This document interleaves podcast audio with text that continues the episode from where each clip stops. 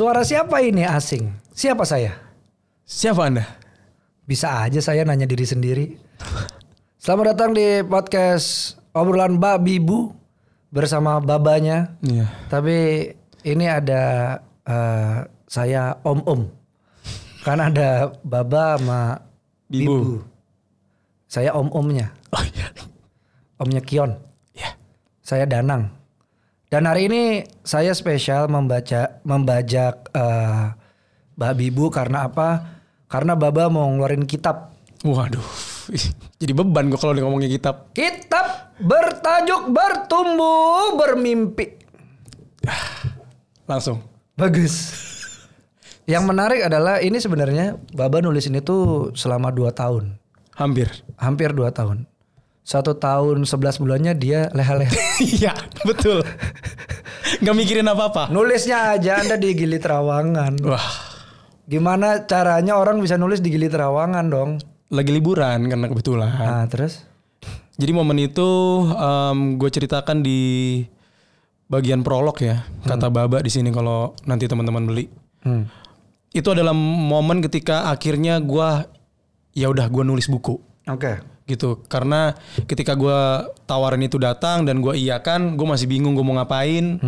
Sampai akhirnya em, Anka waktu itu em, ngusulin ya udah sambil liburan aja karena dia juga butuh liburan gitu kan.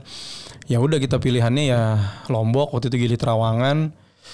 Waktu itu hotelnya juga di depan jadinya gampang kalau ngeliat pantai. Em, ya udah di situ Anka sama Kion lagi main di kolam renangnya kan di atas. Terus gue ngetik di meja di di sampingnya ngetik sambil ngeliat laut sambil ngeliat kapal waduh ternyata ternyata apa ya pengalaman sebagai penulis yang gua nggak pernah pikirkan itu akan ada di jalan hidup gua sekarang ternyata menyenangkan Yang menarik adalah yang lo lakukan sebenarnya yang orang-orang dewasa jarang lakukan, Pak. Wandering. hmm. Saat lu ngelihat laut, lu bengong, udah gitu ngeliat kapal, tiba-tiba ada aja pikiran yang masuk gitu nggak? iya. Itu buat Anda. itu itu momennya yang kan gue emang tipe orang yang suka ngayal ya dari dulu ya. ngayal dalam artian ya dalam kebutuhan pekerjaan terutama karena kan ya kita kan sama-sama pernah di radio kan ya. Kita tahu bagaimana mempersiapkan sebuah show bikin skrip segala macam karena memang em, kayak bukan Anka yang penyiar gitu ya kalau gue kan lebih ke produsernya orang belakang layar gitu banyak ngayal gitu kalau nggak ngayal lu nggak akan bisa bikin program yang menarik kan mungkin itu yang mendorong gue juga atau melatih gue untuk jadi gampang sering berhayal sih sebenarnya Tapi eh, hayalannya nih untuk teman-teman babi bu apa sih ngomongnya?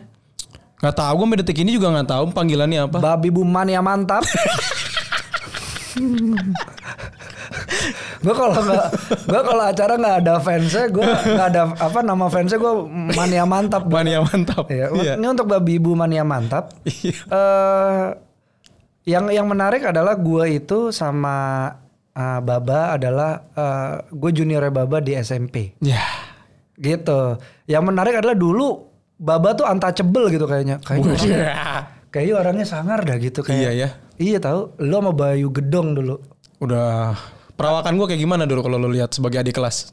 Iya udah keker udah gitu pakai bajunya tuh kalau manggung Travis Barker gitu kayak wah aneh. Mudah-mudahan ada yang tahu ya Travis Barker ya. ada dong. Banyak ya. Wah, jadi si ya pokoknya keren udah keren. Nah, apalagi ini kan bandnya keren emang di SMP gue tuh bandnya keren. Dan bahkan gue MC pertama kali itu mem mempresent bandnya mereka Hall 88 di mana di mana Baba di situ ada sama gue inget banget salah satu orang paling ganteng di SMP 75 Yes. Pangki namanya Pangki namanya. ya eh Sekarang dia ada di hadapan kita. ada di hadapan kita Lagi bantuin Insta Story. Ah, Pangki itu berarti teman dari Dari SD. anjir Dari SD. serius loh Dari SD. Dari SD, oke. SMP, SMA, kuliah pisah. Harusnya kuliahnya bisa jadi satu kampus tuh sebenarnya. Hah. Cuman Pangki waktu itu ke distract. Oh ke dis- dia lebih suka disco dan track-trackan? Enggak. Oh enggak ya. Ada fokusnya ke hal lain lah dia waktu itu. Oh, Jadinya iya. tiba-tiba oh ya udah, mungkin emang sudah berseberangan jalan waktu Hmm, itu. Tapi memang gue temenan sama dia itu dari SD. Lah itu cerita-cerita kalau lu bilang tadi lu membayangkan udah gitu flashback Hmm. banyak. Cerita tentang Pangki ada? Ada.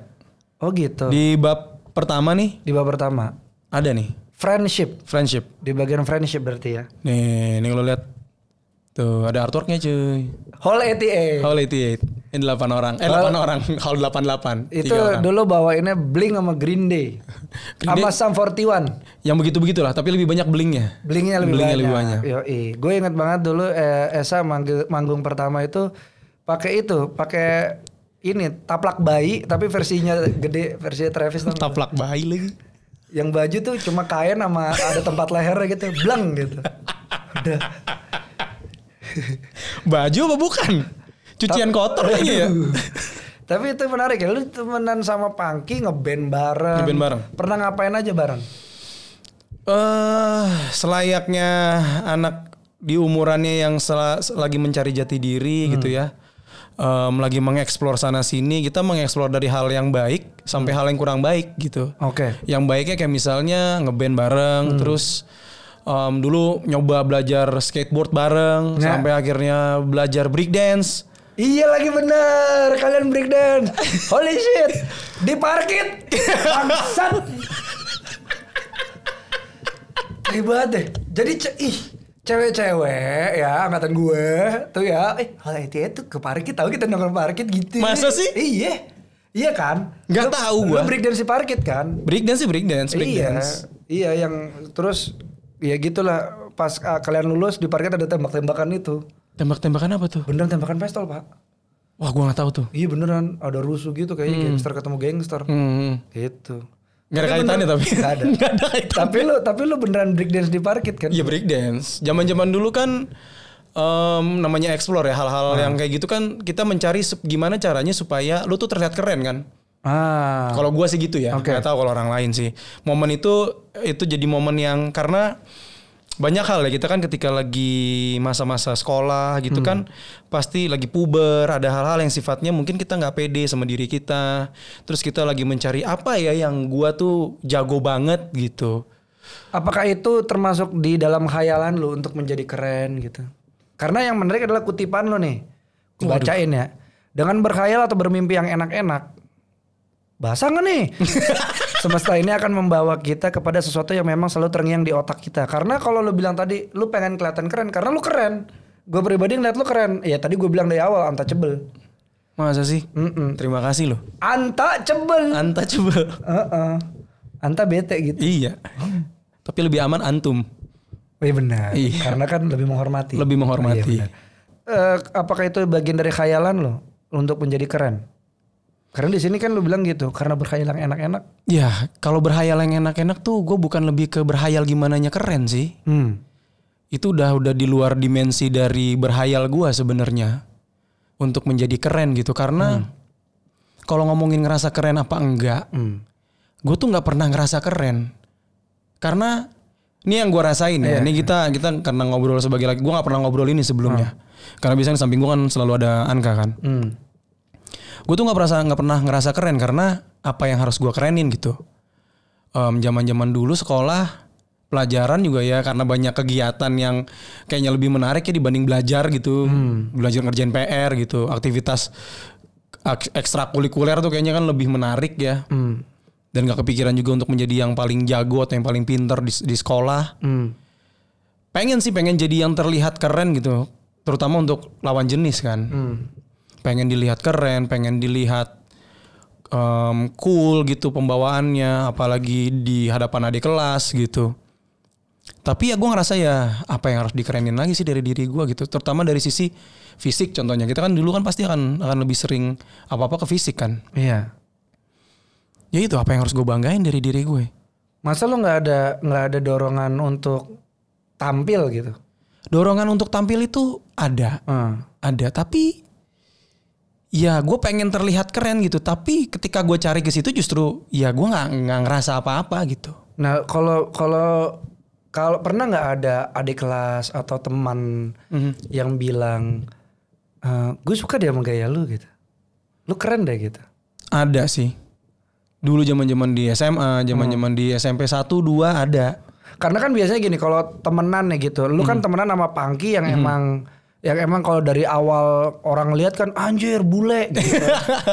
ya kan orang orang Iya, iya, langsung iya. langsung Ini jadi sekarang nih orang yang denger, eh, orang yang nonton sekarang lagi bertanya-tanya Pangki ini kayak gimana nih wujudnya nih? Iya, nanti kita tayangin fotonya ya. ini dia. Aduh, kebiasaan di TV main ini dia ini dia. jadi kan jadi kan Pangki kelihatan bule dan lu kan kelihatan lebih lokal gitu. Iya, lebih hitam. Lebih iya pasti. Pasti. Karena lebih lokal kan. Bener. Nah, tapi itu tidak membuat lu terus jadi kalah keren sama Pangki gitu. Jadi kalau kalian berjalannya Hall, Hall 88 gitu ya. Maaf ya basisnya gue lupa lagi. Gak apa-apa namanya ah, namanya Alex namanya Alex. Mas Alex Tapi gitu ya. ada ganti juga dari Alex ganti ke Alfi. Oke, dua-duanya gue nggak kenal. Iya udah jadi fokus keduanya aja ya. Fokus dua, nah dua-duanya ini kalau jalan tuh ya emang keren gitu. Oh gitu ya. Apakah itu efek dari hayalan lu sehingga lu manifestoin ke dalam diri lu tanpa sadar atau gimana? Kayaknya gitu. Kayaknya gitu. Kayaknya gitu karena mungkin pada saat itu gue mencari-cari kan gimana caranya supaya terlihat keren. Hmm. Gitu gimana caranya lu bisa nonjolin kemampuan lu yang emang lu suka. Lu sukanya tuh nggak cuma suka doang ya, tapi lu suka banget Hmm, musik waktu itu. musik waktu itu, ngeband waktu itu. Bener-bener ada yang dikejar gitu. Momen-momen itu tuh menjadi membuat gue jadi punya tujuan gitu. Oke. Oh gue kalau mau mencapai eh, jalan yang pengen gue ambil tuh garis finishnya ada di situ, gue harus ngapain ya?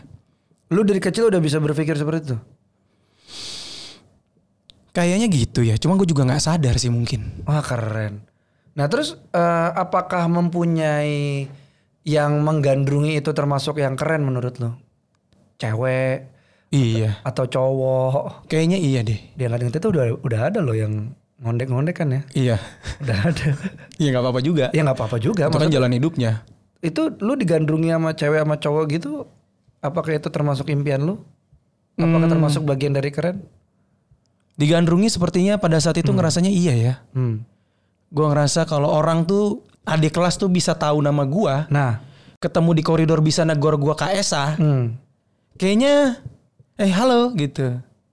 Kayaknya ada sesuatu. di ada sesuatu ya. Oh, Oke, menarik. Gitu, halo gitu. Ternyata lu selembut itu ya? Tau gitu gue sapa lu dari dulu.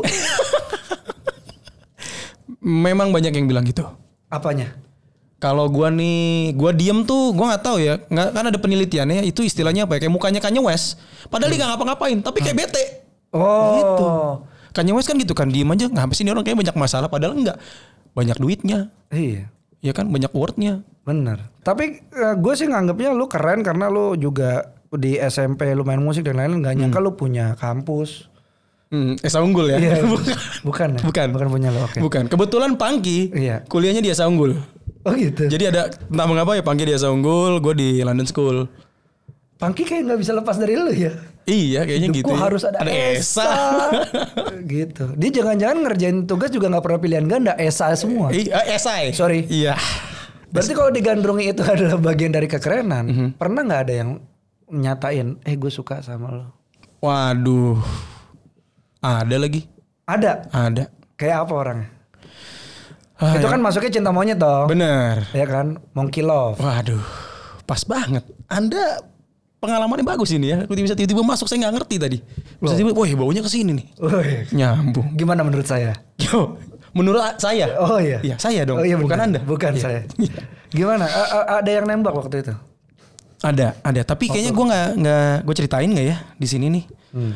Ada sih kalau ngomongin masalah ada yang nyatain gitu. Cuman memang gue gue tipenya ya ya udah kalau lu ada yang tertarik sama gue dan tapi gue ngeliat gue nggak tertarik ya. Hmm. Walaupun secara fisik eh, mumpuni gitu ya.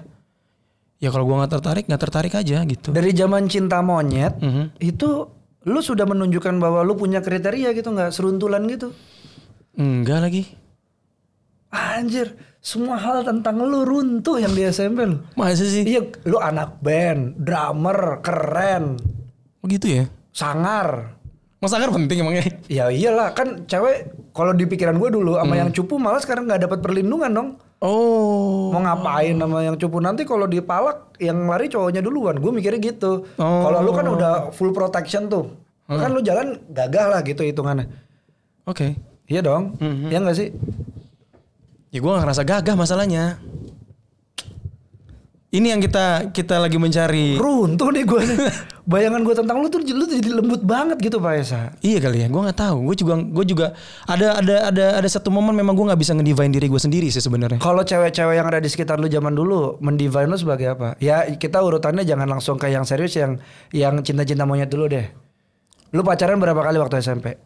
SMP gue pacaran ter- sama yang trial and error ya. Iya. Maksudnya ketika SMP kan em, peralihan dari SD tuh lu kan masih masih bingung ya pacaran tuh kayak gimana sih? Iya. Cara pacaran tuh kayak gimana sih gitu? Iya. Apakah harus sayang gitu? Apakah harus gandengan tangan? Apakah harus ya ciuman atau ngerjain PR bareng atau ke mana gitu? Gue masih nggak tahu waktu itu. Jadinya em, cinta monyet itu jadi momen ya gue suka-sukaan ya. Maksudnya itu momen gue juga mencari oh ternyata begini ya. Momen ketika gue tertarik dengan lawan jenis gitu. Oke, oke. secara fisik terutama kan gitu. Pasti kan akan dilihat duluan kan itu. Cuman uh, ada satu poin dulu memang ada rasa minder kali ya. Karena karena Minder. minder minder. Gue gue tipe yang minder sebenarnya tuh dulu. Oke. makanya gue makanya gue mencari gimana caranya supaya gue nggak minder Ya itu jadi keren. jadi keren Oke. makanya ya udah ayo ngeband gitu Tapi dengan keminderan lu, balik lagi ke masalah Pangki ya. Pangki tuh suka ngeresain lu gak sih kayak lu jangan minder dong, lu jangan minder dong gitu. nggak pernah dia Nggak pernah. Nggak Jadi kalau sama Pangki ada ayam aja gitu. Nggak pernah ada perdebatan atau apa pun. eh kita pun sekalinya pisah gitu ya ini gue ceritain juga sih eh, alasan jadi mungkin cuma masalah kesalahpahaman sih Oh, oke. gitu ada momen yang memang ya nggak tahu ya kan kan semesta ini kan bisa bekerja dan mengatur skenario nya kan bisa bisa yang tiba-tiba begitu aja Oke. bisa tiba-tiba lu yang tadinya memang lu akrab banget sama sama teman lu gitu tiba-tiba kok Setuju. ngebawa lu kok tiba-tiba lu nggak kepengen ada gap itu Ah. tapi ya ya Ada. ada ada dan dan itu dan itu dan itu terasa gitu ada gapnya jadi oh mungkin emang jalan hidup gua ke sini jalan hidup dia ke sana ya kan? Oh mungkin gue memang harus memulai um, memulai circle pertemanan baru gitu ya. Um, yang gue yakin juga mungkin aja ada manfaatnya kenapa tujuannya begini gitu. Yang gue selalu mencari sisi baiknya gitu ya. Mungkin aja gue bisa gitu. Ternyata masuk kuliah juga. Oh ternyata gue di di dihadapkan dengan lingkungan yang benar-benar benar-benar berbeda dari yang biasanya gue um, lakukan gitu dalam artian SD SMP SMA tuh ya nongkrongnya um, Dia, dia lagi dia lagi. dia lagi dia lagi gitu atau enggak paling dia lagi dia lagi cuma nambah gitu tapi ini eh, tiba-tiba berbeda semua dalam artian em, ini gue bukan maksudnya ngomongin konteksnya eh, Sarah ya Iya. temen gue di kuliah laki-lakinya itu keturunan Tionghoa semua Hmm. di London School itu em, London School kan kampusnya kan emang mayoritas perempuan ya Iya. makanya gue masuk London School Enggak juga sih. Enggak emang bagus banget itu kampus. Ibu Berita Kemal Gandhi I love you. Saya nggak kenal I love you. Lu anak minus Oh, soalnya iya, sorry, sorry, sorry. gitu jadinya gue masuk ke sana. Itu pun gue masuk London School sebenarnya. Masuk kuliah itu karena gue nanya ke Pangki. Ah. Kai mau kuliah di mana? London School gue London School gue cot. Pangki tuh manggil gue bacot. Ah. dari SD panggilan gue bacot karena gue banyak ngomong. Hmm. gitu. London School gue cot. Bagus emangnya? Bagus oke deh gue cari tahu deh. Gue cari tahu bareng sama orang tua gue em, ngelihat tempatnya segala macam daftar bayar masuk gue. Besokannya gue kasih tahu ke dia oke oke oke sip sip sip. Entah gimana dia nggak jadi masuk. Wah. Anda mentang-mentang ganteng semena-mena Anda Pak. gitulah. Intinya kayak gitu. Tadi pertanyaannya apa ya? Enggak benar, tapi tadi apakah Pangki pernah mendebat lu dengan keminderan lu karena nggak ada nggak nggak ada. nggak pernah Tapi lu pernah berantem dan akhirnya ya emang ada gap antara kalian sempat ada gap. Tapi ya namanya jodoh pertemanan ya kalian balik-balik lagi sampai sekarang gitu ya. iya dan itu pun berantemnya nggak berantem yang berantem ya dalam artian verbal gitu nggak ada Ya udah lewat ya gitu. udah and then ya momen itu em, ya udah eh, saling heart to heart ngomong ngomongnya juga nggak nggak nggak kenceng-kencengan gitu Em, ya udah selesai gitu Itu berlaku juga sama cinta-cinta monyet lo. Ya kayak udahan ya udahan aja gitu. Kan kalau sama sahabat kan kayak pisah ya udah gitu lah. Iya. Ya laki sama laki gitu kayak kayak ada ada ada jaminan bahwa antar juga dia balik lagi gitu. Hmm. Kalau ad- kalau sama cewek gitu sama uh, cinta-cinta monyet dida- ditambah lo orangnya minder dan lain-lain, apakah ada rasa kehilangan tertentu nggak waktu putus, waktu Waktu SMP SMA juga? SMP enggak ya, karena gue masih nyari tahu gimana sih pacaran ya. Nah waktu itu ya karena satu sekolah lagi dengan Panggi, Panggi itu jadi jadi jadi tempat gue untuk belajar. Oh begini cara pacaran ya, Oh. gitu. Karena dia kan ya Stok lancar ya, Lancar. stok opnam dia. gitu. Iya, iya. Privilege, Iya, privilege. Emang. Ini dia Gitu. buka pangki. Gila kita ngomongin orangnya di depan loh, ini ada orangnya. Ya kita nggak pernah ngomongin orang di belakang. Iya, lebih enak di Kita ngomong depan. di depan. Gitu. Heeh. Jadi emang jadi banyak belajar gitu. SMA mulai mulai mulai dapat oh ini gaya pacaran gue ternyata begini nih. Tunggu, Hmm. SMP lu mempelajari apa yang lu pelajari dari pangki kalau gitu? Bagaimana berkomunikasi sama perempuan. Gimana? eh waktu itu Pangki itu selalu dia bisa punya settingan di mana dia ngomong sama laki-laki, di mana dia ngomong sama pacarnya. Anjir. Ketika dia ngomong sama pacarnya itu benar-benar lembut Oke. gitu. Habis selesai ngobrol apa-apa gitu, tak bisa tiba-tiba balik lagi. Bengal-bengalan lagi gitu, geblek-geblekan lagi. Tapi kalau udah sama pacarnya langsung ibaratnya kalau zaman itu kan cuyung-cuyungan kali ya gitu. Oh. Cuyung-cuyung gitu loh. Gitu. Oh ternyata begini orang pacaran ya. Hmm, Terus seru juga. Bahkan Nah. ah sayang banget kayaknya gue nggak ceritain di sini. Oke. Ada satu momen gue lagi deketin satu cewek Ya. SMP waktu itu kalau nggak salah ya. Eh SMP SMA ya. SMP ya Kai. Eh deketin cewek. Ini emang gue udah suka lama. Hmm. Setahunan lebih ada. Tapi gue nggak berani untuk deketin. Akhirnya ada satu momen handphone udah mulai punya. Waktu itu Nokia kan. Iya. 8250. Wih, tajir. Bukan, itu minjem. Oh, oke. Kamu lagi itu kebetulan Eh. kakak gue yang dibeliin. Oke, oke. Heeh, jadi gue minjem ada satu momen yang kakak gue minjemin sehari gitu. Hmm. Waktu itu kita lagi ada momen kumpul di rumah teman yang rumahnya kosong. Hmm. Terus gue bilang gue lagi deket nih sama si perempuan ini. Terus sini gue yang SMS-an. Kakak lo? Eh, bukan, Pangki. Oh, Pangki. Jadi gue lagi ngumpul di rumah teman, Iya, iya, gue boleh iya. karena gue lagi ngumpul, Ah. gue kasih pinjam sama kakak gue untuk ini bawa handphone deh buat Iya. gaya-gayaan lo. Eh, zaman eh, dulu kan eh. gitu ya, mungkin zaman sekarang kan enggak handphone udah jadi barang wajib, Iya. Ini buat gaya-gayaan lo. Gaya-gayaan, nah kebetulan kan, ya gue lagi deket juga sama si cewek ini. Ah. Eh, singkat cerita, Pangki sini sini, gue aja yang ini, lu terima beres aja. Oke terima beres, besok paginya apa? Gue udah jadian. Gila. Oke Cupid yang bikin Pangki. Jadi selama gua ngasih selama selama apa namanya eh gua kasih ke handphone itu ya gua Ya. main sama yang lain. Karena kan lebih dari waktu itu kita kan sekali ngumpul tuh bisa lima orang bisa enam orang Ya, ya. gitu. Ya udah dia dia dia slow aja gitu di di di mana gitu. Karena rumahnya kebetulan kan agak apa luas ya. Ada tingkat dua gitu jadinya gue di bawah mungkin pagi di atas atau sebaliknya gitu. Ya udah terus tengah malam tuh terakhir dia eh ngupdate nih lu lihat cot udah you coy Gila. Dak besok paginya udah pacaran gua. Gila. Mungkin dia sadar abis itu kok berubah ya. Makanya gue putusnya cepet. Oh gitu. Kayaknya Terus, gitu, kayaknya gitu. Karena Itu- tuh cuma dua mingguan apa abis itu dia minta putus. Itu hati lu gimana? Pertama kali nangkep kayak gitu. Eh ya sakit lah ya. Maksudnya kan itu cewek yang udah Lu incar. gue incar gitu. Itu the real mantan lu tuh. Eh dibilang mantan juga gue gak ngerasa mantan kan karena nembak kan Pangki bukan gua. Oh iya. Setengah-setengah perjalanan. Setengah-setengah. Pokoknya gue tiga, gue kayak gue kayak gue tuh kayak gue tuh kayak lagi sama calo gitu. Oh gitu ya. Heeh. Eh nih Pangki tuh ngilang tau gak lu ngapain? ngapain? Bakar menyan. Dia bakar menyan. Ditaruh fotonya. Taruh foto sama nomor handphone Mm-mm. gitu. Langsung dapet. Gila Pangki keren ya. Keren. Keren deh. Ya maksud gue yang yang menarik justru setelah lu eh, itu itu SMP atau SMA? SMA. Itu tuh SMP deh. SMP. SMP. Pas SMA apa yang apa yang berubah dari seorang Esa dalam mendekati perempuan? Em, berbeda dalam artian gue pasti akan mencari gue tuh yang nyamannya gue deketin cewek tuh kayak gimana ya Kalau Pangki kan terkesan eh, manis. Mhm. Kalau lu kayaknya lempeng-lempeng aja manusianya gitu. Eh, Mau mau perhatian nggak lebay gitu atau gimana? iya kayaknya gitu deh Oh, Oke. gue ada kalau zaman dulu sih lebih gini sih Em, Bukannya Pangki lebay ya? iya Bukan. iya Ya kalau dia ngerasa gitu ya a- Ya. Anda sadar berarti.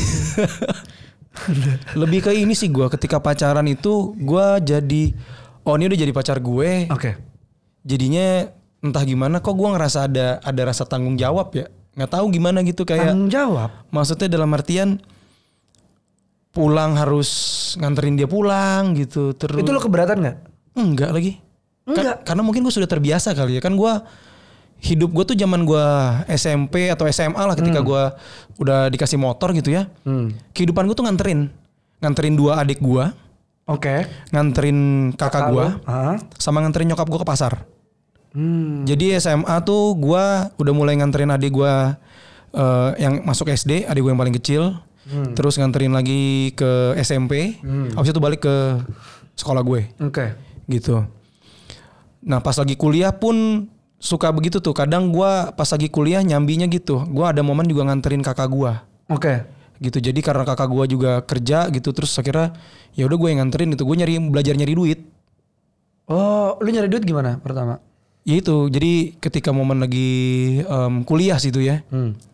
lu mulai nyari duit. Gimana caranya lu punya penghasilan lebih ya? Karena kan ya anak kuliahan kan juga pengen gaya ya, Betul. pengen jalan, pengen ke mall gitu, pengen makan yang enak. Gitu. Lagi pengen-pengennya tuh. Lagi emang pengen-pengennya kan Ya, emang. Iya, iya.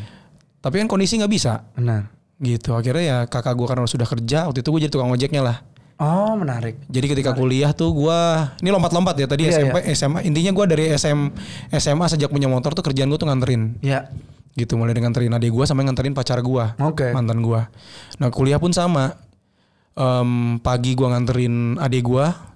Jadi gue nganterin adik gue ke SMA, Ah. nganterin adik gue yang ke S- SD atau SMP waktu itu ya ke SMA deh habis itu gue balik balik lagi ke rumah balik lagi ke rumah gue nganterin kakak gue ke kantornya Hmm. balik lagi ke rumah nganterin nyokap gue ke pasar karena gue kuliah siang kan Lu laki banget deh. gitu ya Iya. Itu mantan-mantan lu nggak ada yang maksud gua nggak ada yang ngontek-ngontek lu pengen mengharapkan kejantan kelaki-lakian itu maksud gua itu kan sangat gentleman gitu loh. Dianterin tapi nggak pakai misu-misu. Sekarang coba. Iya dong. Iya, iya. Nganterin tuh bukan suatu hal yang gimana gitu, tapi buat lu itu act of service lu gitu. Nah, mantan lu Iya. nggak pernah ada yang waktu SMP SMP SMA ya, Hmm. nggak pernah ada yang balik lagi kayak nanya, "Hey, eh ada nggak ya yuk." ada waktu kuliah sih Waktu maksudnya gimana? ada waktu kuliah lebih ke mantan kuliah waktu itu yang tiba-tiba ngechat gitu sih ada apa ya jatah mantan gak sih Lu sikat juga. ah Jatahnya diambil nggak bang? kayaknya cuma dicolek-colek dikit deh ya, wings biru kali ya. Cuman, udah, udah, udah. Takut keterusan. iya benar. Berarti tapi memang ada ya, tapi memang ada eh, yang yang yang mak- maksudnya kehilangan sosok lu gitu di di hidupnya mereka gitu. Nggak tahu ya, tapi mungkin aja ada ya. Lu pacaran berapa kali sih? Yang ngerasa serius ya. Mm-mm. Lupa lagi gue nggak ngitungin. Putus nangis berapa kali? Tiap ha- tiap kali, Anjing. tiap kali gue. Gue tuh gue tuh gue tuh cengeng. Gue tuh cengeng gue. Wah gila. gue tuh cengeng. Gue pikir tuh lu kalau diseset keluarnya oli. Ternyata aspal. Robot anjir. Gue pikir lu se- anjir ternyata lu lembut banget deh. Nangis gue. Gila. Apaan aja gue tangisin. Enggak maksud gue ini pasti eh, teman-teman babi bu pernah yang ngomongin ini gak sih maksud gue Nggak pernah. Baba yang yang segini sangarnya nih Nggak pernah. ya dengan de- kan gue kan dengerin eh, podcast babi bu juga kan ya, maksud gue kayak laki gitu ajek gitu tapi lembut gitu ternyata gitu Iya kali ya. Nggak tahu ya. di buku ini lu menunjukkan itu nggak Sisi kelembutan gue. Mungkin nggak tahu ya sisi lembut tuh lihat dari dari sisi mananya gue juga bingung sih sebenarnya cuma kalau gue nunjukin gue sayang gitu ya ke ke orang yang memang gue sayang ya gue tunjuk tunjukkan dengan dengan itu dengan dengan ya gue harus act something gitu loh gue harus gue harus melakukan sesuatu. Kalau zaman dulu tuh ini eh telepon teleponan gitu kayak udah kamu duluan yang tutup. Iya. Tahu- tahu-tahu subuh. Lu men- menjalankan itu? Eh enggak. Menjalankan praktek mistis itu? Kamu duluan. Enggak kamu duluan kamu duluan gitu. Pernah sampai begitu sih pernah, ngerasain. pernah. ya menyenangkan lah ya gitu. Cuman kan ketika lu makin berkembang makin berkembang gitu lu merasa "Hmm, apaan sih kok ngapain sih dulu? gitu. Sampai yang kamu tutup duluan kamu tutup duluan tahu-tahu udah subuh gitu kan ngapain gitu. Atau juga lu besok mau ketemu atau lusa lu mau ketemu bisa say hi lagi. Cuman kan ya ya udah dimabuk cinta ya. Ah, mabuk cinta gitu. itu. karena karena gua gua gua kayaknya emang suka suka di di di apa ya dikasih energi cinta itu tuh kayaknya gua Oh. gua gua gua tuh craving itu tuh gua tuh mencari itu Menarik. Menarik. jadi jadi gue selalu selalu mencari dari mana aja gitu apa karena lu selalu memberi ke orang ya kan tadi lu kalau lu denger cerita eh kalau tadi lu cerita sebelumnya kan Mhm. lu nganterin ade Mhm. nganterin ade nganterin kakak habis itu nganterin nyokap Mhm.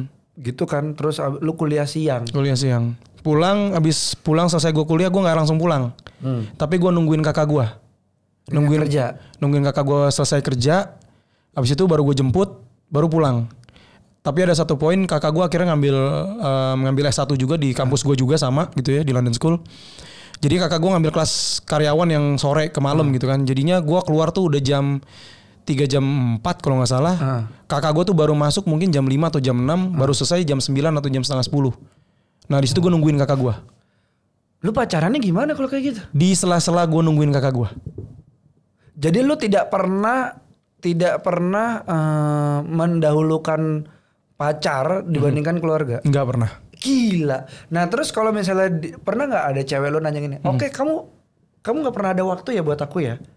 Kamu pilih siapa? Pernah nggak digituin? nggak pernah. Karena memang memang memang gua sudah apa ya namanya ya gue udah ngasih tahu itu ya maksudnya ini ini kondisi gua nih Ah, gua harus ketika pacaran gitu ya biasanya gue jelasin Hmm. Eh, ada tanggung jawab tanggung jawab gua nih biasanya gue jelasin Oke. salah satunya itu gua harus antar jemput kakak gua oke, gitu ya kalau menurut dia nggak masalah ya udah terus gue bilang juga ya ini gue pekerjaan gua oke. Pacaran terlama lu berapa berarti? Berapa tahun? empat tahunan rata-rata Itu mantan yang paling menyangkut di lo. Eh, enggak tapi paling berkesan ya Kena kesannya gimana? karena dia anak orang kaya gitu Emang kalau ada orang kaya? Udah dikasih tanda kita ternyata udah ngobrol udah setengah jam ya. Eh, Nggak berasa. emang dari dulu. Emang kenapa kalau anak orang kaya kesannya kenapa? Anda dapat parcel. Bukan. bukan. Ini ini biar nggak nggak nggak salah tangkap ya. Maksudnya Ah, em, ya dari kalangan yang berada dalam artian em, ketika lu sudah kuliah itu kan lu ma- lu kerja juga belum, lu punya penghasil, lu punya penghasilan juga enggak, lu masih numpang sama orang tua lu, lu masih dikasih uang jajan sama orang tua lu, tapi di satu sisi gue juga sadar kalau biaya kuliah gue itu mahal. Oke. Karena gue bukan dari orang yang berada. Gue untuk kuliah di situ ada kerja keras gitu, ada kerja keras orang tua gue gitu.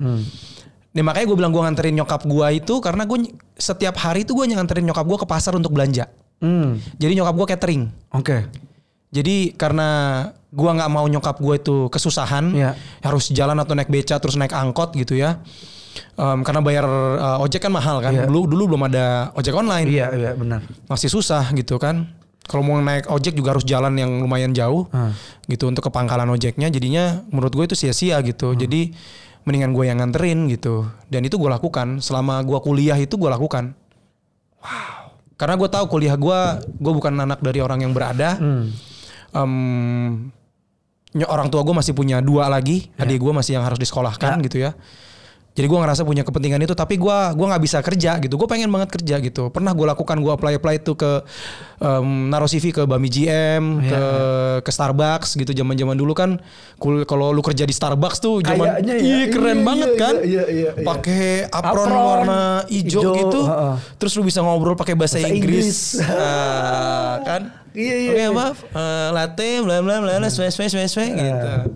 Oh jadi lu gila lu lu sekeras itu ya maksud gua se apa ya seberjuang itu ya. Seberjuang itu. Gue setuju sih jadinya sama bertumbuh lu sih. Lu tumbuh dengan dengan sangat baik sih. Angin lu kencang juga ya pak ya. Kenceng, Angin lu kencang juga ya. kenceng. Lu menghadapi banyak krisis nggak di hidup lu berarti kalau kayak gitu? Sering kali, Serius lu? sering kali. Even ketika ini buku ini masih udah keluar, Iya. krisis itu, problem itu, masalah itu ternyata berlayer-layer, berlapis-lapis. Oke sebelum ke krisis yang itu gue mau ngebahas dulu tentang quarter life crisis lu. Ini kan ngetrend banget ya di anak-anak muda apalagi sekarang gitu. Walaupun belum nyampe suka banyak yang bilang dia lagi quarter life crisis. Belum nyampe quarter life. Udah quarter. Iya. Gimana Anda main sih? bulu tangkis. Nah, makanya kalau quarter life crisis lu, lu bisa ceritain nggak apa yang terjadi di hidup lu? Jadi quarter life crisis gue itu momen ketika gue sudah bekerja di eh, radio. Waktu itu radionya adalah 11.4 Tracks FM. Anjir keren. Yo, Keren. Masih bisa ngomong ya? Masih Keren. bisa. Even tagline-nya gue masih hafal. Coba. 11.4 Tracks FM, the youth station for the now generation. Wow. Walaupun gue bukan penyiar. Wow, eh lu kan produser. Iya. Tapi kan dulu pengennya jadi penyiar. Tapi pa- produser es- esensial tahu. Bener. Ternyata gue gua menjalani peran gue ternyata oh ternyata itu peran gue ya gitu. Esensial banget. Sorry ini gue potong sama cerita gue. Waktu itu gue sempat ditawarin lagi jadi eh, penyiar radio. Mhm. Gue bilang gue nggak mau, gue mau jadi produser. Hmm. Orang radionya bingung lah. Lah, Gimana, gimana sih lu? Lu gue suruh tampil. Iya, gue mau jadi produser paling eh, mahal di Indonesia dan paling keren. Wis. Kenapa keren? Karena oh produser kita mana? ya? Halo, lu di mana? Sorry bro, lagi syuting. Iya. Ya, keren gak? Susah banget dong berarti. Tapi kerjaan nyampe terus. Nyampe terus. Ada tim. Ada tim. Iya, makanya mahal. gue mau ngeset gitu kagak dia terima ide gila gue. ya kan yang berani gajinya. Iya bener kayaknya. Ya belum ada kali ya. Belum ada yang Tapi cocok. quarter life crisis lu justru pas lu kerja. Lebih tepatnya ketika gue memutuskan untuk berhenti, berhenti kerja. Jadi gue waktu itu sudah kerja di Trax kurang lebih eh, tiga tahun ya. Ah. Em, posisi gue waktu itu sudah menjadi kalau dulu tuh eh, jenjangnya ya, ketika lu sudah berhasil megang program pagi tuh Ya. dalam artian secara knowledge, secara mental lu tuh sudah legit ya Ah. untuk sebagai seorang produser gitu ya. Karena saingannya radio pada saat itu dan juga waktu itu penyiar yang gue pegang juga penyiar yang emang emang kelas kakap lah. Waktu itu gue megang Melanie Ricardo yang sekarang sudah menjadi selebriti Iya. dan Iksan Akbar yang sekarang sudah menjadi host di mana-mana. Iya. Gue megang itu mereka dua. Dan di situ gue belajar banyak kan. Oh ternyata begini cara handle orang. Ternyata begini ca- cara handle talent. Oh ternyata begini ketika penyiar lo lebih pintar dari lu. Gitu di situ gue gue belajar banyak. Sampai akhir proses belajar itu kurang lebih tiga tahunan. Em, jenjang karir gue stuck karena em, di atas gue kalau gue mau naik. Jadi habis dari produser kan ada asisten program director. Habis itu program director kan. Ah. Aspidi sama PD-nya eh, Aspidi-nya sahabat gue Tio yang gue ceritakan juga di sini. Oke, Tionya Titas. Tionya Titas eh, gitu ya. Eh, habis itu em, ya karena nggak ada yang cabut jadi nggak ada yang gue nggak bisa naik gitu. Sedangkan gue udah lagi ngerasa gue jengah gitu karena gue waktu itu udah mulai double job. Gue udah megang program TV waktu itu. Oh, apaan? Waktu itu gue gabung di tim penulisnya Panji, Panji Pragiwaksono. Ah. Provokatif, proaktif di Metro TV. Anjir. Jadi ketika pagi gue jadi produser di Trax, em, sore eh, menjelang malamnya gue jadi jadi scriptwriter di sana. Karena tayangan pintar live banget ya. live-nya kan Metro TV kan setengah 10 kan live dia dulu ada program satu jam. Kenapa lu menghadapi quarter life crisis ya dengan dengan dengan dengan kapasitas seperti lu harusnya krisis nggak ada masalah kali. Jadi ketika ketika gue sudah ngerasa gue karena uang kan gue mau nyari nyari nyari ta- nyari sisi apa side job side joban uang udah ada. Gue tuh pengen gue tuh punya mimpi gue pengen punya usaha sendiri. Gue pengen jadi pengusaha. Nggak tahu lah hayalan gue tuh selalu ngebawa gue ke situ kan. Em, pengen punya usaha sendiri akhirnya dengan tabungan itu dan gue di tracks juga di radio gue nggak nggak nggak bisa naik juga gitu gue udah ngapain lagi ya semua udah gue gue udah ngerasa cukup gitu ngerasa puas ya cabut aja dengan modal tabungan gue Hmm. Em, waktu itu pun tabungan gua gua puterin lagi. Jadi untuk diputerin, untuk dibisnisin sama teman gua. MLM Enggak. apaan? Ada bisnis di grey area begitulah waktu itu. Oke. Jadi gue cuma naruh duit, gue dapat passive income gitu. Jadi misalnya gue naruh sekian puluh juta, gue dapat 10 persennya. Oh, menarik. Menarik kan? Masih ada gak Nggak grey area? nggak ada. gitu. Oke. Bermodalkan itu, em, resign sudah ditaruh, gue minta lagi duit gue balik, duit gue dibawa lari orang. Oke. hilang terus udah nggak ada pekerjaan duit nggak ada ngapain gua Hmm. akhirnya dengan modal seadanya dengan sisa-sisa gue jualan bakso Oke, gua gua gua sempat notice nih. Mhm. Lu jualan bakso gua sempat notice. Ah. Eh, terus terus. gue jualan bakso karena em, waktu itu ya gue mikir aja apa yang bisa gue jadi ini ya akhirnya gue kerja sama dengan tukang bakso legendaris di dekat rumah gue waktu itu dan kebetulan beliau mau gitu ya jadi gue gue beli beli beli bumbu beli bakso gitu gitu gue jual ibaratnya gue jadi reseller lah kalau sekarang Ya. Gua numpang minjem gerobak nyokap gua kebetulan di daerah Ciledug ada rusunami begitu sih. Di dalamnya nyokap gue ada di situ gue numpang. Nyokap gue jualan eh, nasi rames gitu gitulah eh, buat nambah-nambah. Gue numpang di gerobaknya, numpang jualan bakso. Terus ya udah di titik itu gue mengisolasi diri gue. Oh, oke. oke. Jadi setelah gue udah resign dari pekerjaan, TV udah selesai, Hmm. Em, entah bagaimana koneksi itu tiba-tiba terputus aja semua. Nggak tahu gimana. Tiba-tiba gue harus ada di sebuah kios kecil gitu ya. Di depan gue ada gerobak, di terus ada juga panci yang langsung yang tinggi gitu, terus ada tumpukan bakso gitu, ada sawi gitu. Terus gue lagi bikin sambal, lagi ngeblender. Terus gue lagi ngegodok ngegodok tulang sapi untuk jadi kaldu gitu-gitu. Terus gue nungguin pembeli gue. Terus yang setiap hari pembeli gue cuma satu dua orang. Oke. Penghasilan gue waktu itu waktu itu gue anggap kecil ya karena em, sebulan gue cuma punya sejuta. Oke. Itu juga nggak bersih. Sedangkan waktu itu gue sudah karena dari karena dari kerja waktu itu kan gue sudah mulai sadar untuk misalnya ngambil asuransi gitu Iya. kan gue ada kewajiban gue ngebayarin asuransi nyokap gue Iya. jadi penghasilan waktu itu tuh ya udah cuman buat cukup ngebayar asuransi nyokap gue gitu Anjir lu. Kalau gitu pertanyaan gue simpel sih. Lu pernah foya-foya gak sih? kayaknya enggak deh kayak pernah mungkin ya Enggak. Gue nggak percaya sih kalau lu bilang pernah mungkin ya. Karena gini. Di umuran lu. Dengan gaji produser. Sorry gue nggak bilang gaji produser kecil ya kecil. tapi emang kecil saat itu tapi nggak berasa kecil Nggak berasa. lu berasa keren Iya itu dia. Kayak anak agensi. emang iya Nggak tahu. Oh, iya. Silakan anak agensi kolom komentar tidak disediakan untuk anda. Jadi jadi jadi eh, lu udah mikirin asuransi nyokap itu gila bro. Gila itu. masa sih Yo sekarang buat ini yang depan. Lu per- pernah mikirin asuransi nyokap gak? Lu pernah mikirin asuransi nyokap gak kapan? Asuransi gue dipikirin nyokap iya. hmm, gitu ya Lu gila, keren bro. masa sih Ya. Lu kenapa masih masa sih? Cancel aja kan ada bukunya keluar. jangan dong Gila. udah dicetak Enggak maksudnya keren banget gitu. Enggak lu lu scare itu sama ibu lu, Hmm. lu lu bertumbuh dengan sangat gil, luar biasa. Hmm. Terus mimpi-mimpi lu untuk jadi keren, sekarang lu gue bilang lu keren lagi. alhamdulillah kalau begitu Lu gila sih, lu mikirin asuransi nyokap tuh.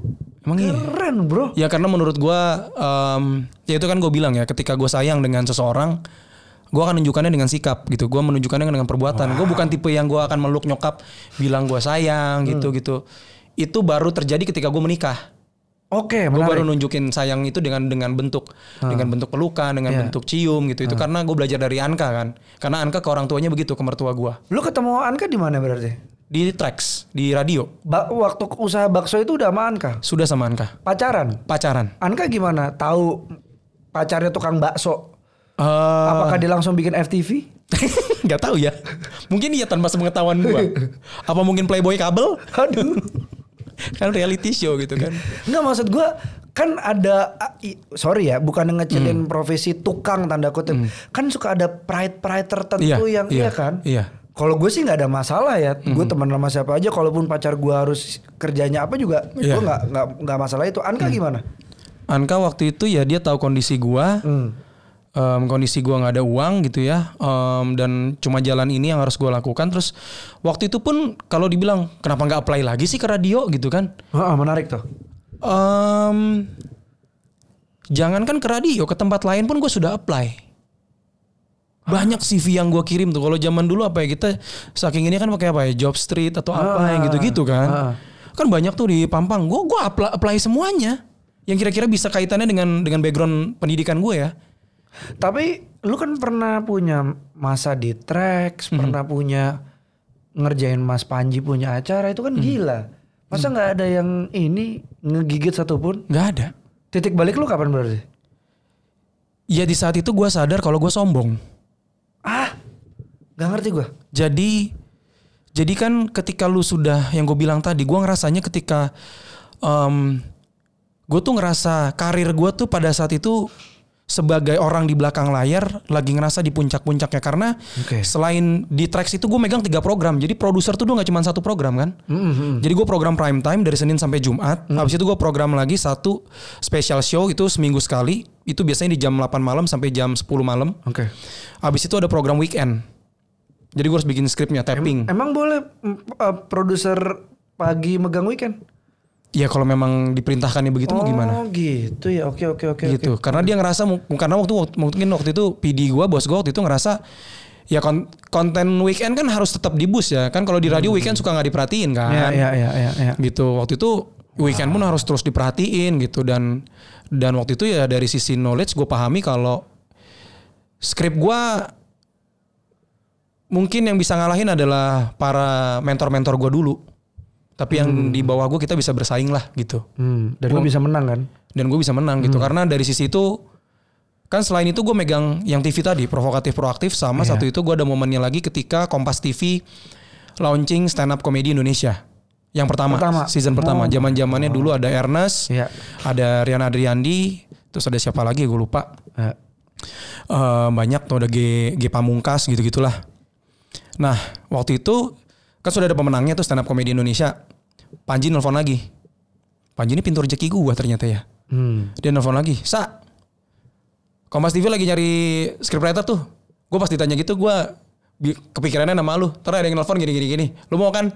Mau aja ya, kayak gitu. Hmm. Iya iya mau mau mau. Gue bikin sitkom. Oke. Karena di sitkom itu yang main-main tuh Panji bareng Radit, Raditya Dika kalau nggak salah ya. Ada nggak ya Radit? Lupa gue. Kayaknya ada deh dia. Kalau lu ragu mungkin Radit lagi sama Jani. beda beda acara. sorry sorry. Iya. Terus. terus. gitu ada karena kan ya sama Radit kebetulan udah kenal juga di provokatif proaktif kan waktu itu terus sama Ernest terus ya banyak yang tadi gue sebutin gue bikinin sitkom untuk para komika sedangkan gue nggak punya background nulis skrip Wow, dan dan salah satu pung salah satu ya dibilang ujung tombak komika paling besar mempercayakan skripnya ke lu. iya kali. Lebih lebih lebih terutama kayaknya Kompas TV-nya kali ya. Orang talent karena waktu itu Kompas eh, Lu kan tadi Panji yang yang bilang iya dia dia ngerekomendasiin gue iya makanya itu. Kan Panji yang iya nggak tahu tuh kenapa tuh orang. Gue udah lama nggak ngobrol sama dia sejujurnya. Gila sih. gitu dia dia dia yang dua kali gitu. Jadi waktu provokatif. Gila keren lu. Terus habis itu Indonesia tadinya tuh program Ramadan ya. Indonesia harus berbuka namanya IHB. Jadi tuh program tuh jam 5-an kalau nggak salah menjelang berbuka puasa, stripping. Hmm. Jadi gue masuk di tengah-tengah, di tengah-tengah season karena Kompas TV ngerasa eh ini boleh nggak ya diomongin kayak gini ya? Udah Boleh. acaranya udah nggak ada juga kali ya. Kayak ngerasa nggak kurang puas lah dengan gaya penulisan bukan Kompas TV-nya sih, komikanya Hmm. Gitu. Apalagi Panji terutama. Ya. dia ngerasa puas karena em, skripnya waktu itu ya lame aja. Sitkomnya nggak berasa. Akhirnya em, karena berbekal pengalaman gue pernah jadi penulis dia di provokatif waktu itu dia ngajakin gue lagi. Terus em, gue dijelasin kayak gimana. Kayak gue nanya kan prosedur gimana. Terus gue dikasih email em, karakter karakternya Ya. waktu itu ada 8 karakter atau berapa gitu. Kan banyak komikanya kan. Ya. tapi set setnya cuma tiga Oh. Nah itu bercerita tentang penyiar kehidupan penyiar radio, penyiar terus nongkrong di kafe. Habis di kafe ada yang perkantoran gitu. Jadi ini ada perkantoran, nih ada ada radio, tapi ketemunya ntar di kafe di tengah-tengah. Oke, friends lah ya. Iya kayak gitu-gitu. Ketemu di situ ya. Terus terus, terus. Ya udah gue bikin skrip itu stripping, gue masuk di tengah season. Em, kurang lebih ada berapa 20 episode gue pegang. Itu di momen gue lagi em, kerja juga di Trax. Gue bilang sama bos gue, gue boleh nggak kerja di TV? Dibilang asal bukan radio nggak masalah. Akhirnya gue kerja, asal tanggung jawab juga ini. Gue dengan tiga program, terus gue megang stripping. Em, waktu itu deg-degan juga kan akhirnya skripnya kayak gimana sih? Kayak gini akhirnya gue belajar skripnya. Terus gue mungkin apa ya cara bikin skrip kayak gimana ya gitu. Nyari software bajakannya pakai final draft. Gue belajar kayak gitu. Oh begini caranya. YouTubean aja gitu. Iya, iya. googling caranya gimana terus nyoba nyoba nyoba nyoba udah jalan. Pada suka ada satu momen yang gue nggak bisa hadir karena kan gue pekerjaan gue di tracks datang-datang gue udah selesai gitu. Sepanji tuh bilang skrip lu anjing banget dibilang. Skrip lu anjing banget dibilang. Tapi gue nggak tahu ngomongin apa gitu. Skrip gue yang mana? Ini skrip lu yang ini nih anjing banget. Jadi waktu itu Gimana em, ada di komika-komika itu ada plot-plotnya kan. Pembagian lu ada di mana lu ada di mana. Nah Panji itu bagian di stasiun radionya. Oke. Dia jadi penyiar radio terus ada Rian Adriani sebagai sebagai anak yang punya radio sama Radit terus siapa sama pokoknya di situ situasionalnya. Oke. nah tim itu tim one take oke Oh, oke. tim one take oke gitu. Di saat itu mereka nggak bisa one take oke karena dengan joke yang gue bikin. Jadi ketika ngomong orang yang harus diajak yang harus misalnya dicengin gitu ya di, dikasih dilempar itu itu tuh mukanya emang emang Ketawa. emang keta, emang nggak ketawa dia tapi Nahan. nahan. Jadi ngundang. Ketawa lagi ketawa lagi ketawa Jokesnya apa lu masih inget gak? apa ya? Lupa gue. Tapi kalau cari di YouTube ada tuh kayaknya. Wow. Potongan-potongannya. Oh gila sih keren lu. gitu. Nah hasil itu balik lagi ngomongin quarter life crisis. Lu ngerasa sombong? gue ngerasa sombong. Hmm. itu pun akhirnya gue ngomong juga sama sama Anka kan waktu itu kita gue jadi momennya gue introspeksi diri juga kan. Apa yang salah dengan diri gue ya? Ya ternyata gue sadar-sadar ya gue sombong gitu. Gue diem aja dibilang sombong Hmm. apalagi gue sombong. Hmm. gitu kan.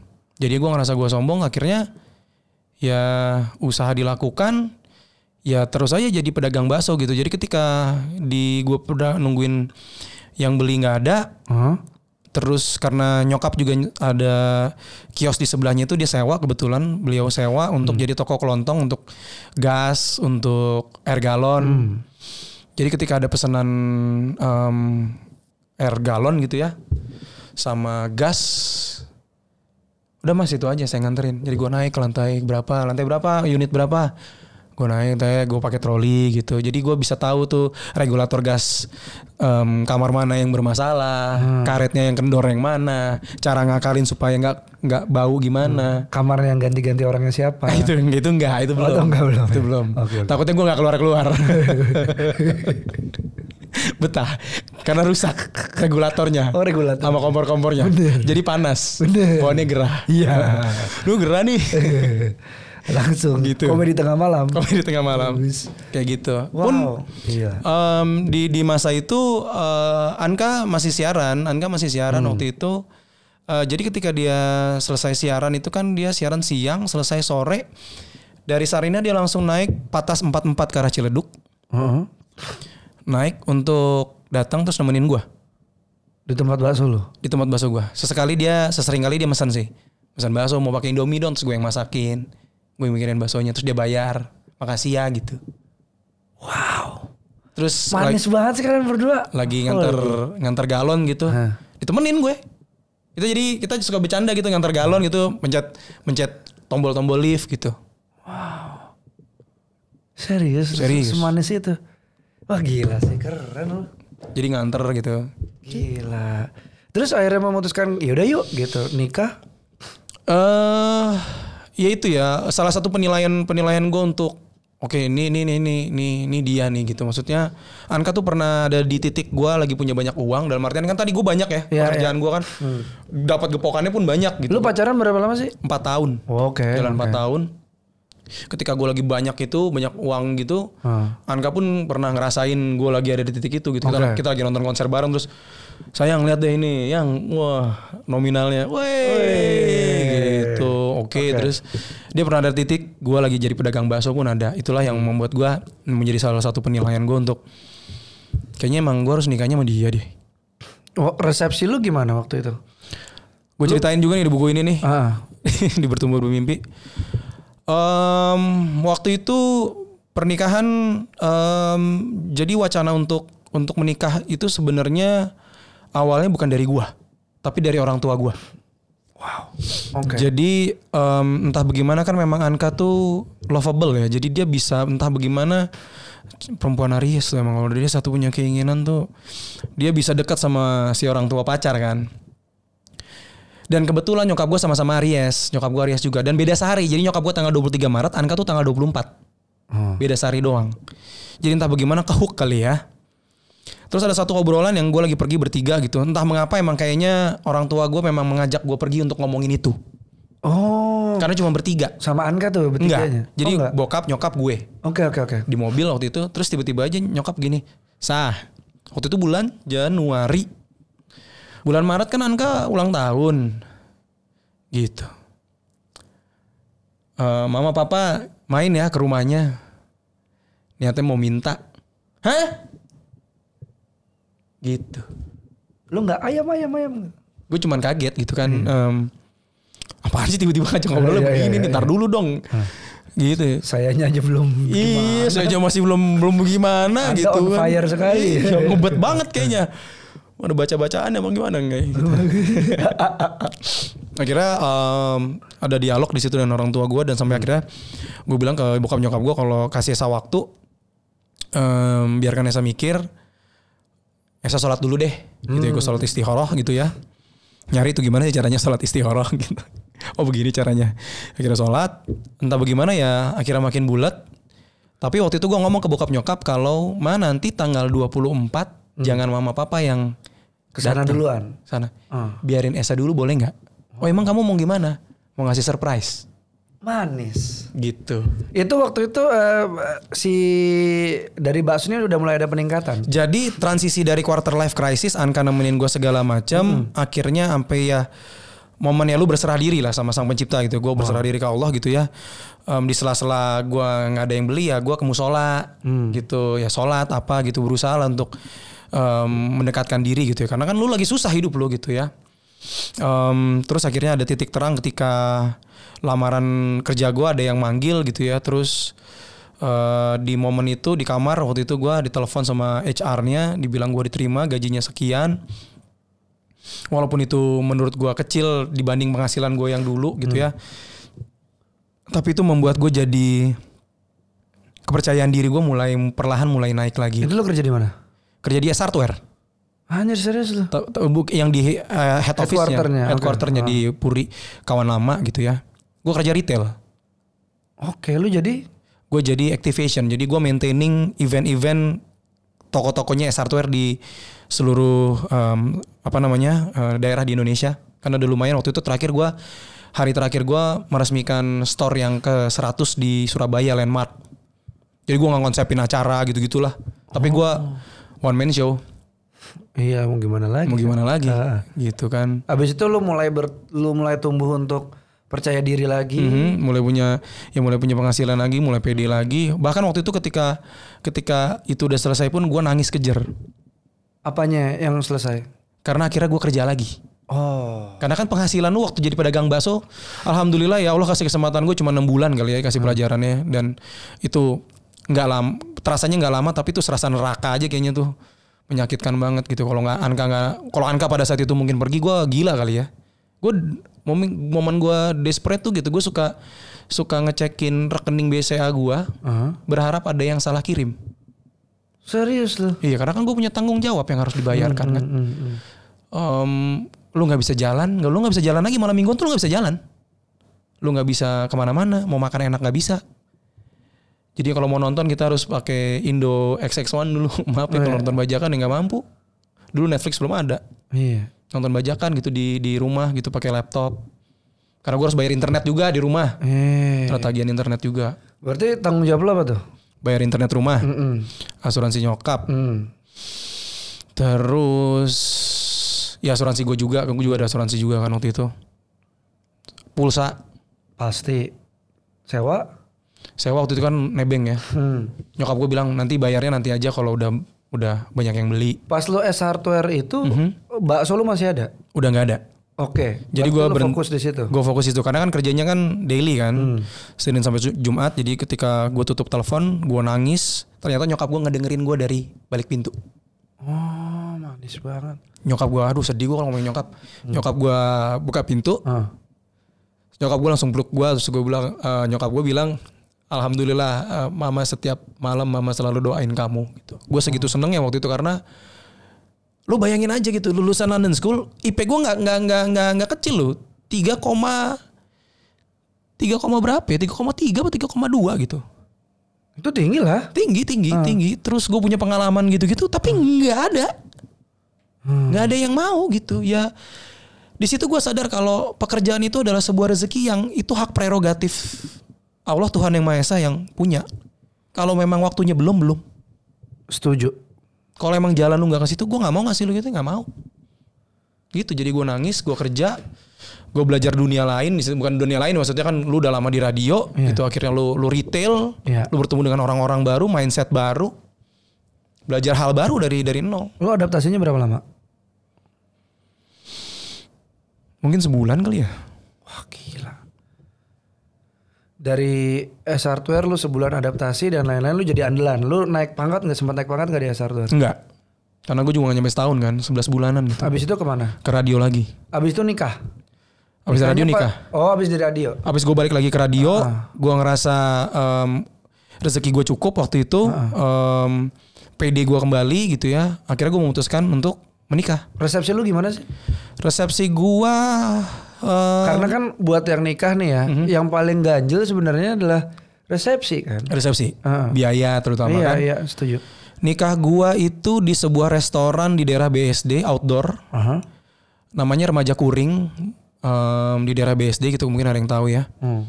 Jadi em gue nikah outdoor di situ karena memang cita-citanya pengen nikah outdoor. Hmm. Ngebayang-bayang gitu kan pakai suit yang terus bisa mingle Ah. gitu kan. Terus apa ornamen-ornamen nuansanya bergabung dengan hijau-hijaunya gitu kan. Em, Pinterest banget lah Pinterest. Iya, lu spot di mana aja tuh tempat bagus banget waktu Iya, itu. iya, iya. Jadi dari sisi dekor juga lu nggak perlu dekor banyak. Iya. Ada hitung-hitungan ke situ juga.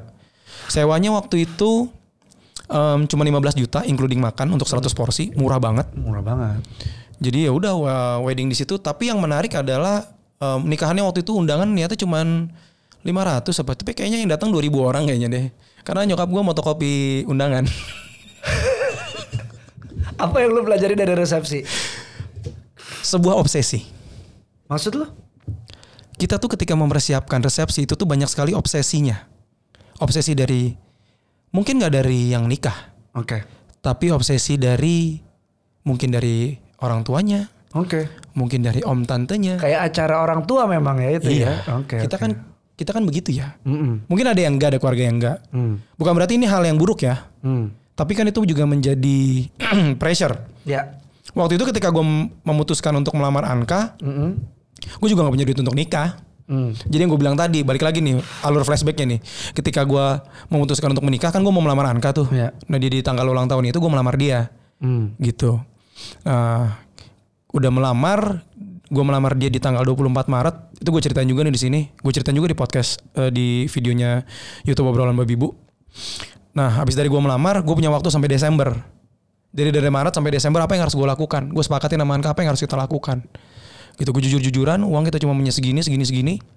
Tapi kita punya mimpi, kita pengen nikahnya yang seru gitu ya. Hmm. Keluarga bisa kumpul, teman-teman bisa berkumpul. Uang nggak ada. Akhirnya waktu itu gue punya sebuah ide. Aku punya tabungan segini. Kamu punya tabungan segini. Budgetnya segini. Udah ratusan waktu itu.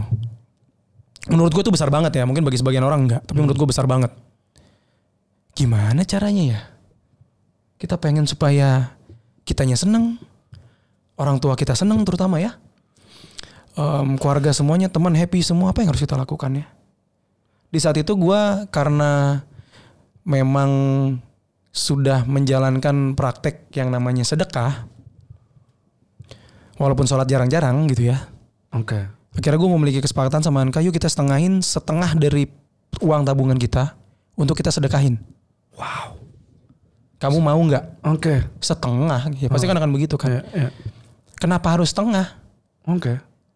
Ya karena perintahnya begitu. Jadi kenapa gue bisa dapat ilmu itu? Karena ketika gue lagi jadi pedagang bakso kan gue bilang gue ke musola. Iya. Gue baca bukunya Ustadz Yusuf Mansur. Hmm, menarik. Itu proses pendekatan diri gue tuh dari situ. Iya, oh iya. ternyata benar apa yang gue lakukan terus gimana belajar sedekah lah intinya. Hmm. Akhirnya disedekahin setengahnya.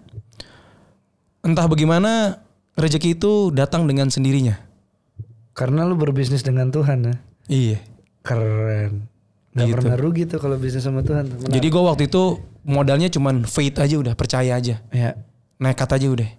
Jadi selang dari situ entah tiba-tiba di radio waktu itu jabatan gue naik sampai satu dua sampai nikah tuh dua kali naik jabatan dua kali Aha. gue dapat side job lagi gue jadi scriptwriter untuk olahraga downhill Hmm. jadi gue ke daerah-daerah dapatnya banyak ma- lumayan masuk Anka waktu itu juga ngemsian lagi kenceng belum eranya sosial media kayak sekarang uang tiba-tiba berkumpul tiba-tiba ada, ada keluarga dari mana ngasih nyumbang apa akhirnya pernikahan itu terselenggara Sesuai. sesuai. Nikah di tanggal 27 Desember di saat bulan Desember kan identik dengan hujan ya. Ya. Itu panas luar biasa. Bener-bener garden cocok Party. banget. Gitu. Cocok banget. Nih Arya sama Pangki ada ya di lokasi ya. Gitu. Ada videonya gua ada kok di, di Gila. YouTube. Yuk kita saksikan dulu. Oh enggak ya? Enggak. R- Tapi emang gitu ya kalau misalnya lu udah berserah ya, gua gua nggak melihat ada kepasrahan sih di situ. Gue melihat ada keberserahan gitu. Lu udah beraksi, ya udah gimana anda lah Iya, iya. Tuhan gitu. Itu gue ceritain di di di di bertumbuh bermimpi nih ada ada chapter yang emang gue khusus nih. Pas banget nih. Sedekah biar berkah. Sedekah biar berkah. Oke. Di sini gua ngeceritain tiga momentum hidup gue yang itu yang membuat gue semakin yakin dengan kekuatan sedekah. Oke. Gua mau nikah, terus Lahiran? eh, lahiran, Ya. eh, mau punya anak, Aha. Kion alhamdulillah, sama gue pengen punya rumah. Hmm. Ketiganya gue menggunakan formula yang sama, Hmm. gitu. Jadi sudah terbukti ya gitu kalau kita kalau kita memberi kita tidak berku, tidak kurang malah nambah. nambah. Walaupun bentuknya mungkin aja em, Macam-macam. macam-macam. Iya iya iya. Bentuknya pekerjaan, mungkin Ah. bentuknya pertolongan. pertolongan, perlindungan, kesehatan gitu. Iya. Tapi pada saat itu kan bentuk pertolongan yang paling besar yang diharapkan adalah Jam sostek. Bukan dong. Bukan.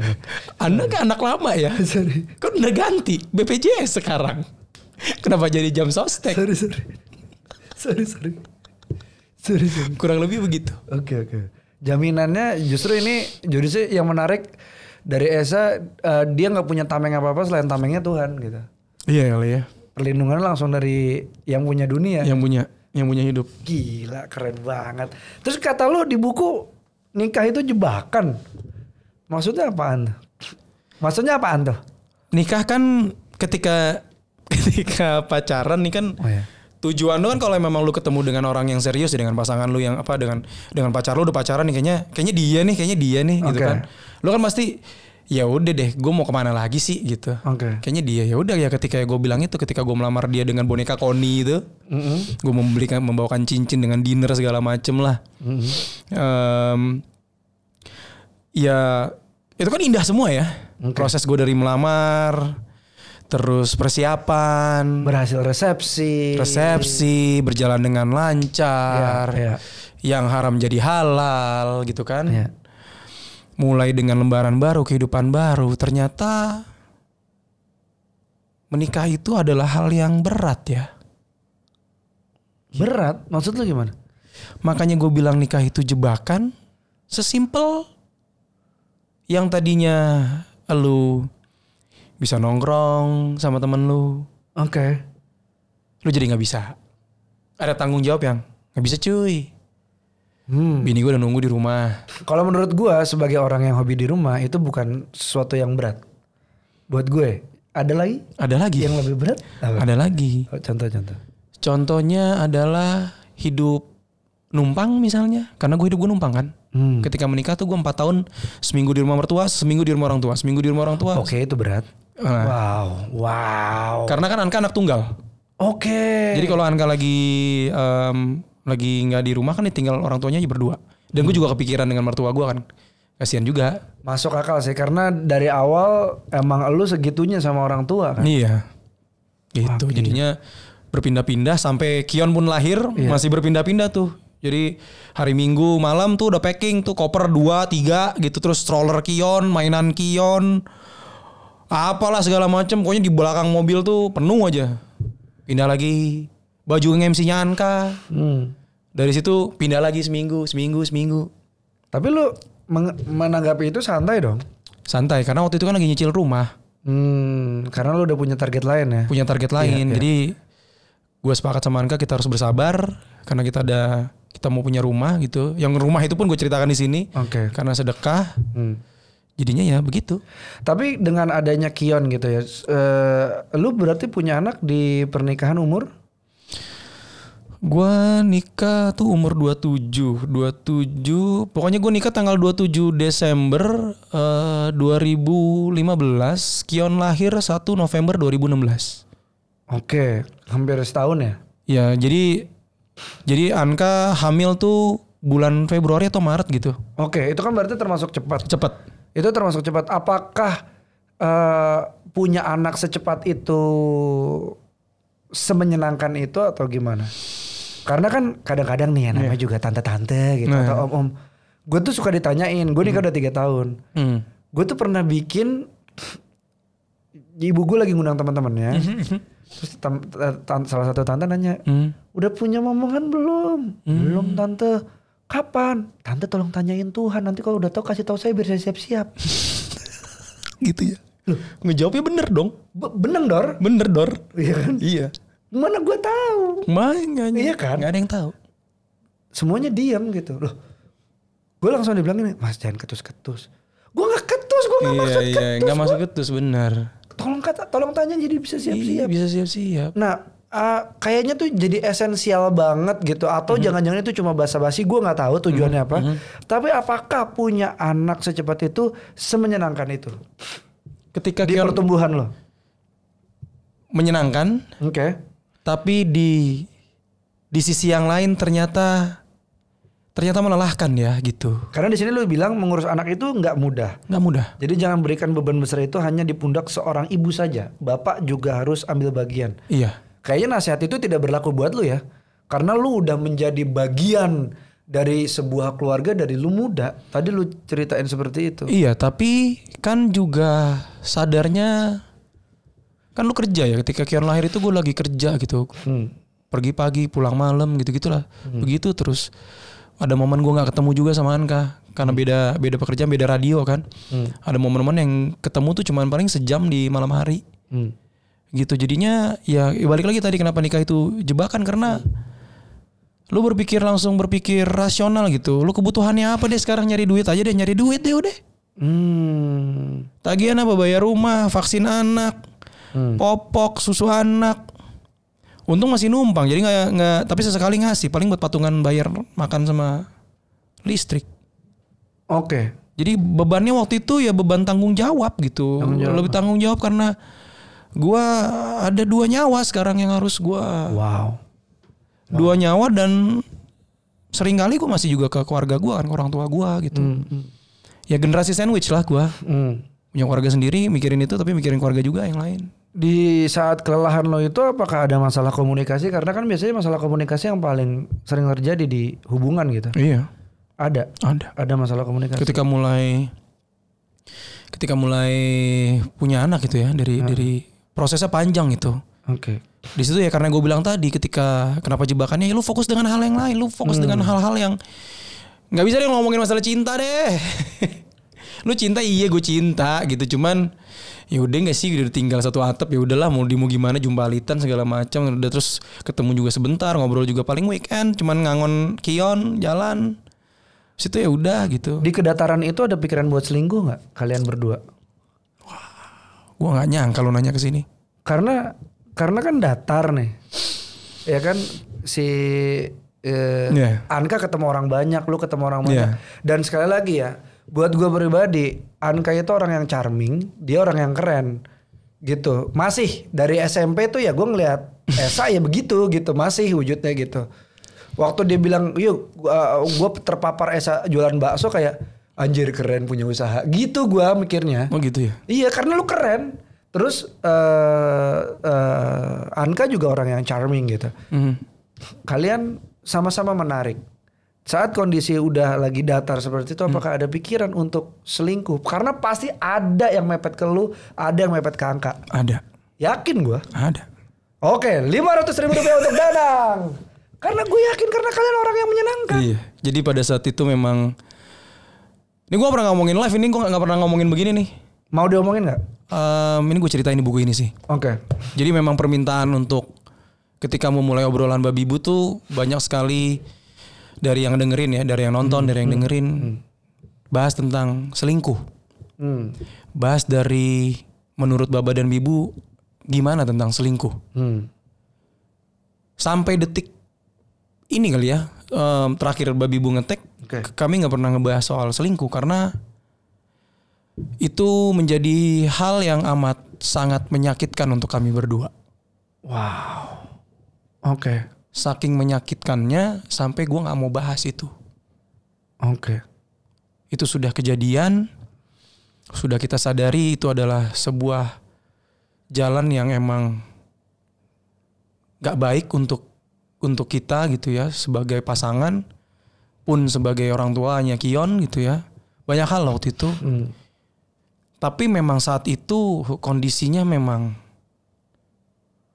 jalan itu aja deh udah Nggak gampang, nggak gampang buat orang me, ya udahkan itu semua. Bagaimana kalian mengikhlaskan hal yang sudah terjadi itu kan sesakit itu kalian berdua. prosesnya lama Mengikhlaskan itu prosesnya lama. proses untuk healing Hmm.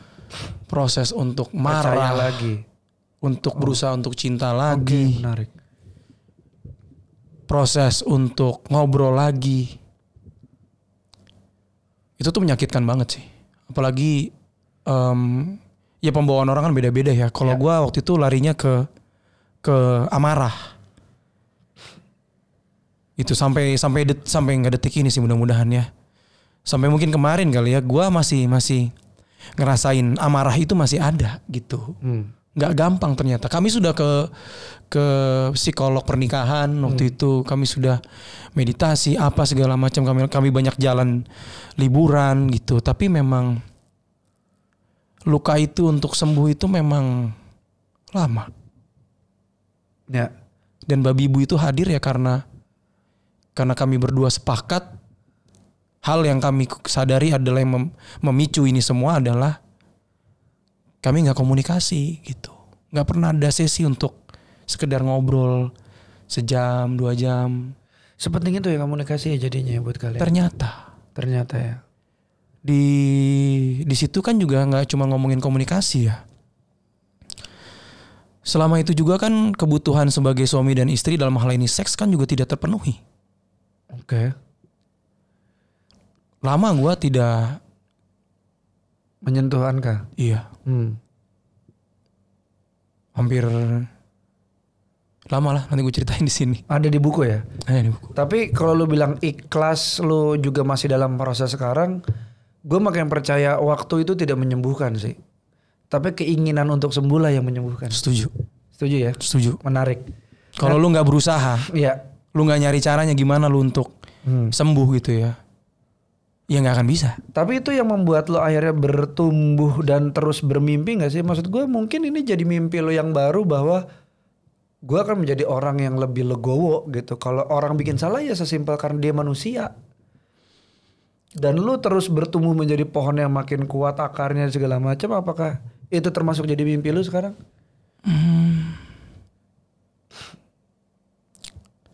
Ketika gua memulai obrolan babi ibu bareng Anka dan ketika gua memutuskan untuk menulis buku dan ya dengan dengan dengan yang sekarang nih kita lagi ada di sini gitu. Waktu itu memang ketika ada satu momen kita lagi berusaha dengan healing masing-masing tujuan gue cuma satu waktu itu. Gue punya mimpi gimana mimpi gue itu adalah mewujudkan mimpi orang lain.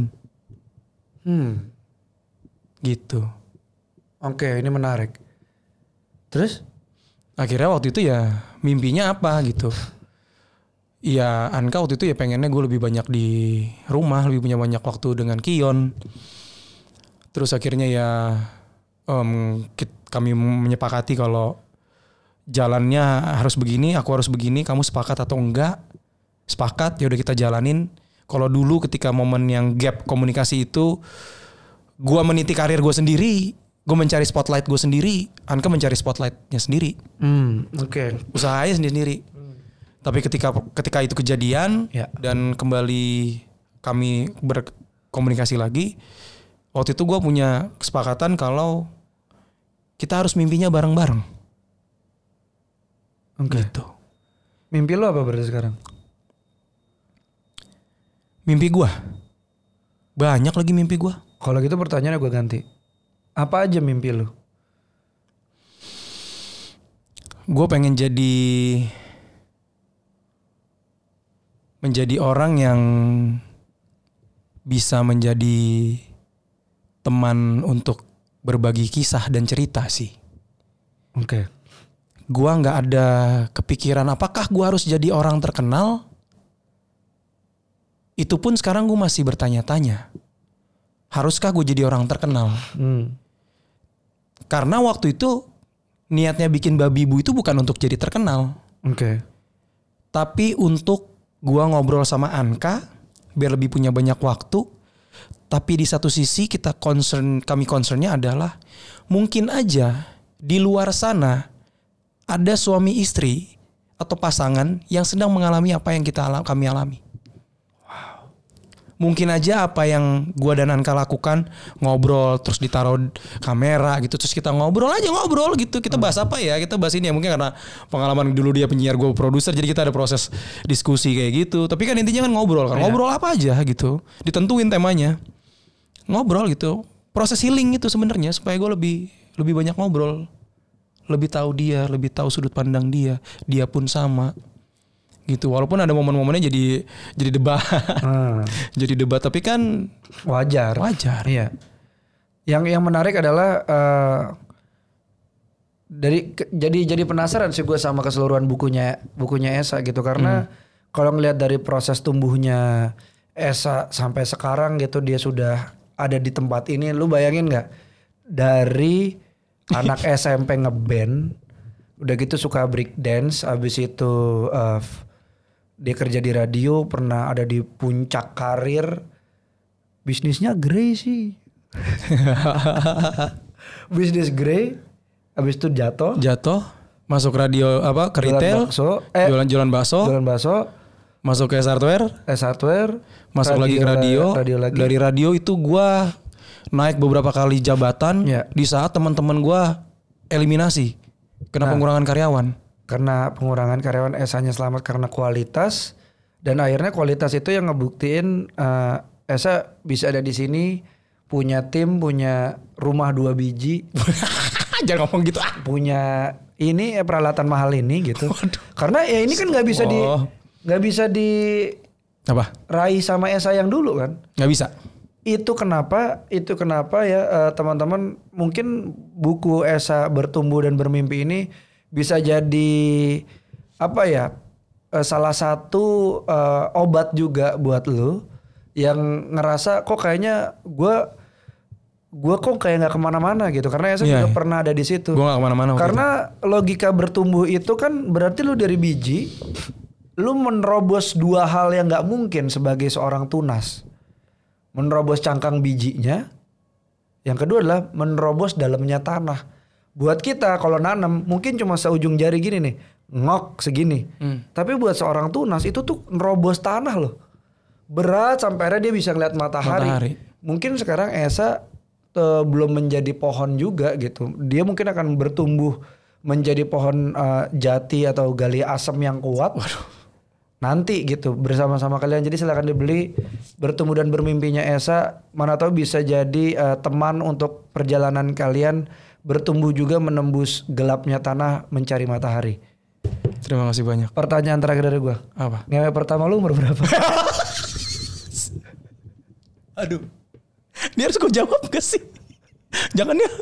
Memicu keributan rumah tangga nih. Kalau gitu mana tahu itu ada di buku keduanya Esa. Bertumbuh di bawah